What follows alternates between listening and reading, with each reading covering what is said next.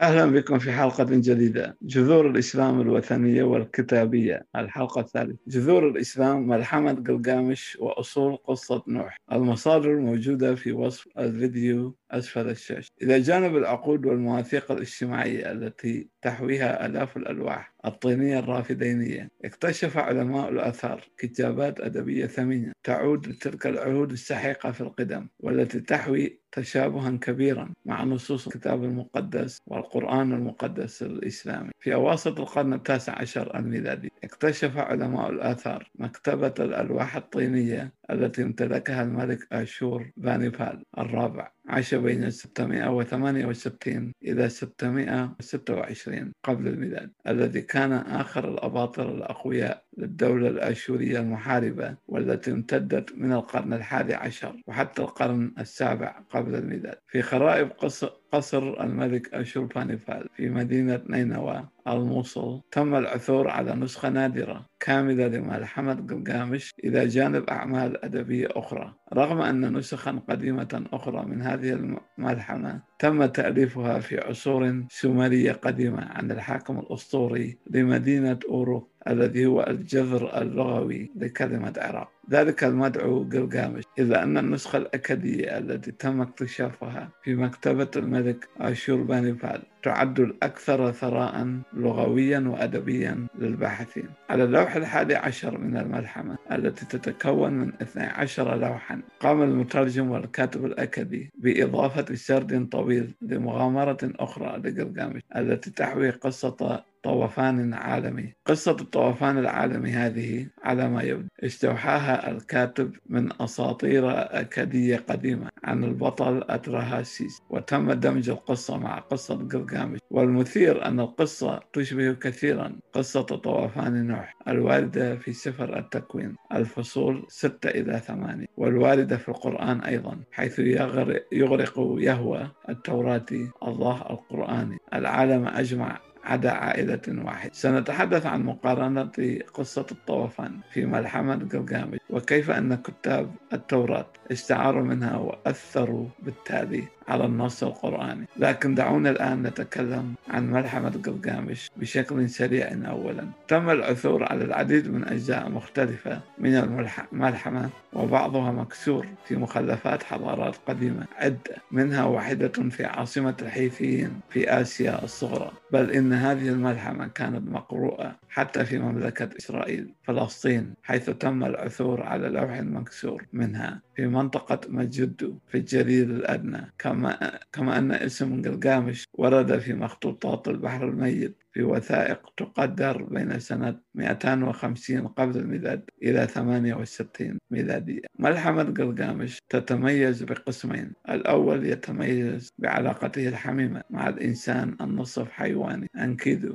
الذي خلقته الآلهة من طين ليكون شريك حياته. قد يبدو هذا كعلاقة مثلية بين قلقامش وأنكيدو في نظر بعض الباحثين. هناك أيضا قصة مثيرة في هذا القسم حيث أن أنكيدو يتحول إلى إنسان كامل بعد وقوعه في غرام شامات التي علمته أساليب الحياة المدنية ولكنه خسر قوته الحيوانية الخارقة بعد هذا. بعد أن ينجح قلقامش وأنكيدو في قتل الوحشين همبابا وثور السماء اللذين جسدا الجفاف والزلازل يرتكب قلقامش خطأ جسيما في رفض عروض العشق والغرام من الإلهة عشتار إلهة الحب والحرب وحامية مدينة أوروبا. التي كان قلقامش حاكمها. تذهب عشتار وتطلب من مجلس الآلهة أن تعاقب قلقامش عبر ابتلاء أنكدو بمرض مميت. يصاب قلقامش بحزن عميق ورعب خلال رؤيته ومشاهدته لموت صديقه ومعرفته حقيقة أنه هو نفسه ميت في النهاية. فيقرر بتصميم وهمة. أنه سيبحث عن طريقة للنجاة من الموت. القسم الثاني من ملحمة قلقامش يحوي رحلة البطل الأسطوري في سعيه لبلوغ الخلود والحياة الأبدية وتبدأ الرحلة بمغادرته لمدينة أوروب ذات الأسوار والتحصينات. يتجاوز قلقامش العالم المعلوم ويتجاوز مياه الموت. مارا بأرض مظلمة كليا ليصل إلى جزيرة حيث يسكن أحد أسلافه المدعو أوتنا بشتم هذه الشخصية المدعوة أوتنا بشتم يهبها الآلهة الخلود والنجاة من طوفان عالمي. وهذه شخصية مماثلة لنوح المذكور في التوراة والقرآن. بعد رحلة شاقة وصعبة يصل قلقامش إلى حيث يسكن أوتنا بشتم في جنة الخلود. هنا يسخر أوتنا بشتم من حفيده قلقامش لسعيه في سبيل الخلود. وأن خلوده أي أوتنا بشتم إنما ينبع من هبة فريدة وظروف خاصة حيث أنه أعطي الحياة الأبدية من قبل الآلهة لتنفيذ مهمة لهذه للإله العظيمة آية أو إيا حيث كلفته ببناء سفينة عظيمة وأن عليه أن يحملها زوجين اثنين من كل حيوان لكي تنجو الأنواع من طوفان مهلك. زوجة أتنا بشتم ترثى لحال قلقامش وبؤسه فتطلب من زوجها أن يخبر قلقامش عن النبتة التي تجدد الشباب وأنها موجودة في عمق البحر وبعد أن يحصل قلقامش على النبتة التي تجدد الشباب وأثناء عودته في رحلته الشاقة إلى موطنه أوروبا. تقوم حية بسرقة النبتة منه أثناء قيامه بالاستحمام. المفارقة أن الحية استطاعت الحصول على نبتة تساعدها على تجديد نفسها بينما بقي البشر ينتظرون موتهم كالعادة حسب ملحمة قلقامش هذه. على طريقه للقاء أورنبشتم يلتقي قلقامش نادلة خمر حكيمة وهي إلهة صغيرة أيضا. اسمها سيدوري فتذكره سيدوري أنه لن ينجح أبدا في الحصول على الخلود لأن الآلهة قد قررت أنها وحدها هي من يملك حق الخلود وتقول له سيدوري اقتباس. أما لك قلقامش املأ بطنك بأشياء جيدة نهارا وليلا ليلا ونهارا. ارقص وامرح اتخذ وليمة وابتهج. دع ملابسك الجديدة استحم في الماء. اعتز بالطفل الذي يمسك بيديك واجعل زوجتك سعيدة في حضنك لأن هذا أيضا من نصيب الرجل نهاية الاقتباس. ونحن نسمع ما يكاد أن يكون صدى حرف صدى حرفيا لنصيحة سيدوري في سفر الجامعة. في الكتاب المقدس العبري الذي يكرر الأسف على نهاية كل شيء في الحياة بالموت. وأن لا لذة إلا في تلك اللحظة التي نعيشها إلا بتقبل ما وهبه الإله. اقتباس فامضي وتمتع بأكل طعامك واشرب خمرك بقلب منشرح لأن الرب قد رضي الآن عن أعمالك. لتكن ثيابك دائما بيضاء. ولا يعوزن رأسك الطيب. تمتع طوال أيام حياتك الباطلة التي أعطاك إياها الرب تحت الشمس مع المرأة التي أحببتها لأن ذلك هو حظك من الحياة ومن عناء تعبك الذي تكابده تحت الشمس. نهاية الاقتباس. سفر الجامعة الفصل التاسع. الآيات سبعة إلى تسعة. والآن لنلقي نظرة نظرة مقارنة سريعة بين ملحمة قلقامش والتراث الإبراهيمي. عندما اكتشف علماء الآثار ملحمة قلقامش وجدوا أن هناك العديد من نقاط التباين بين قصة الطوفان التوراتية ونظيرتها الأقدم في ملحمة قلقامش فحسب ملحمة قلقامش فإن الإله إنليل الشرس أقنع الآلهة بأنه يجب تقليل الضجيج